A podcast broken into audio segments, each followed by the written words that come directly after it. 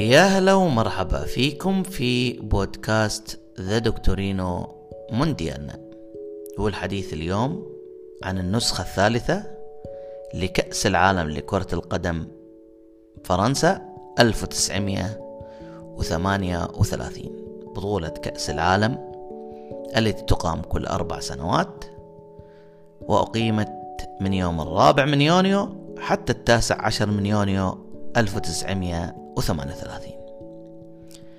في برلين في الثالث عشر من أغسطس 1936 اختار الفيفا فرنسا كدولة مضيفة على حساب الأرجنتين وألمانيا في الجولة الأولى.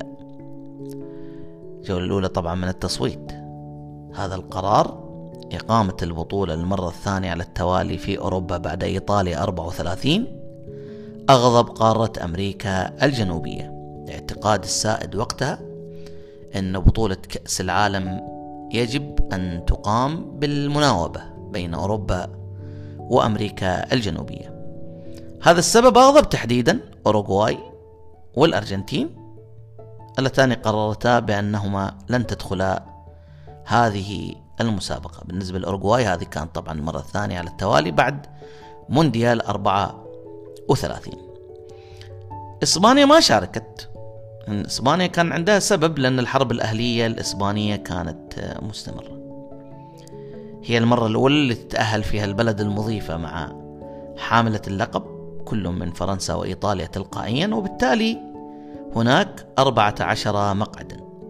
تم تخصيص 11 لأوروبا واحدة لأمريكا الجنوبية واحدة لأمريكا الشمالية وواحدة لقارة آسيا.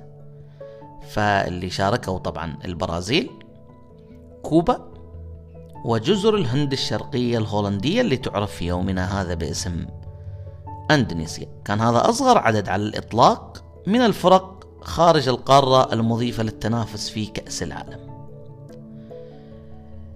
النمسا تأهلت إلى كأس العالم لكن بعد التأهل كانت سحابة الحرب العالمية الثانية تطل على الأجواء وبالتالي ألمانيا ضمت النمسا.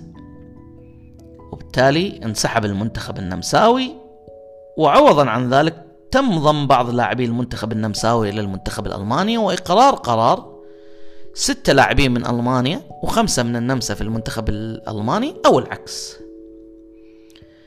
وطبعا النجم النمساوي اللي ذكرناه في الحلقة الماضية ماتياس ساندلر ما كان من ضمن اللاعبين بل هو طبعا هرب من من بلاده بحكم الحرب. وكانت نهاية جيل نمساوي رائع.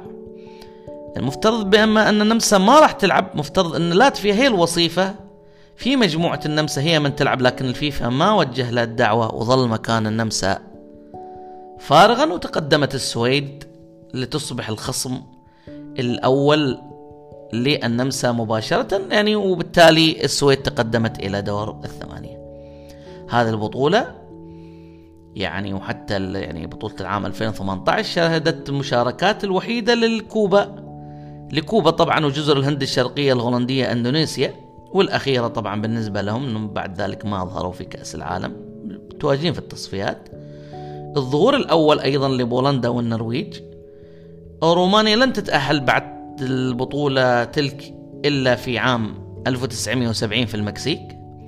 وبولندا وهولندا لن يظهروا مرة أخرى سوى في العام 74 والنرويج لن تظهر بعد تلك البطولة حتى مونديال أمريكا 1994 فريق ألماني الموحد أيضا لن يظهر من بعد تلك البطولة سوى في مونديال 1994 بعد توحيد ألمانيا عام 1990 على الرغم من غياب النمسا لكنها ظهرت في العام 1954 وحققت المركز الثالث. البطولة راح تقام أيضا مثل بطولة 34 بنظام خروج المغلوب. وبالتالي بما أن السويد عدت النمسا بحكم خروج النمسا لاحتلالها من قبل ألمانيا فهن هناك سبع مباريات. من السبع مباريات تطلبت خمس الذهاب إلى أوقات إضافية لكسر التعادل. وذهبت لعبتين من الخمس إلى الإعادة. واحدة منها تقدمت كوبا إلى الجولة التالية على حساب رومانيا.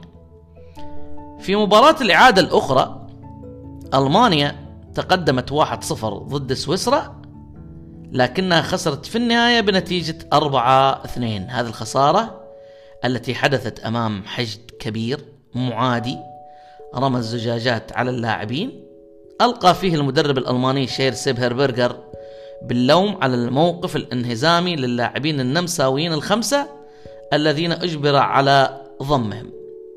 علق صحفي ألماني على ذلك وقال بأن الألمان والنمساويين يفضلون اللعب ضد بعضهم البعض حتى عندما يكونوا في نفس الفريق.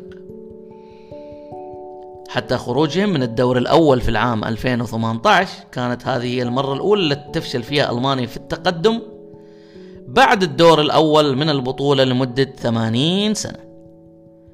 مشاركة جزر الهند الشرقية كانت مكلفة وعلى الفاضي تعتبر يعني. أتت للبطولة بتكلفة كبيرة لتخسر 6-0 من هنغاريا وتغادر تلك البطولة. مباراة بولندا والبرازيل كانت من أجمل المباريات في ستراسبورغ وانتهت بفوز البرازيل 6-5 في مباراة شهدت شد وجذب بين المنتخبين لم يكسر هذا الرقم سوى مباراة النمسا وسويسرا في مونديال 54 ويومها تألق طبعا في تلك المباراة ليونيداس ليديزما نجم المنتخب البرازيلي والبولندي ويليموفسكي.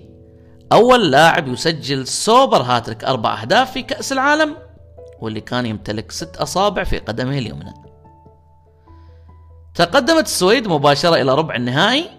نتيجة انسحاب النمسا وهزمت كوبا 8-0 الطريف مش السويد الطريف هي كوبا. أو قصة فيها الطرافة بالنسبة للمنتخب الكوبي.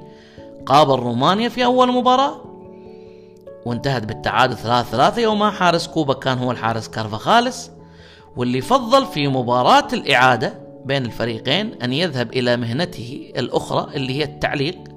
وتعليق المباراة لأحد الإذاعات الكوبية وحرس بدل منه حارس المرمى خوان آيرا وفازت كوبا 2-1 لما شاف الأمر فيه فوز قرر أن يعود لحراسة المرمى كارفا خالص لكن شباكه استقبلت ثمانية أهداف سويدية كاملة. فرنسا في دور الثمانية بعد أن تجاوزت النرويج غادرت البطولة أمام حاملة اللقب إيطاليا واللي أثارت الجدل وقف ضد الطليان ليس فقط مشجعو فرنسا بل أيضا الهاربين من الفاشية.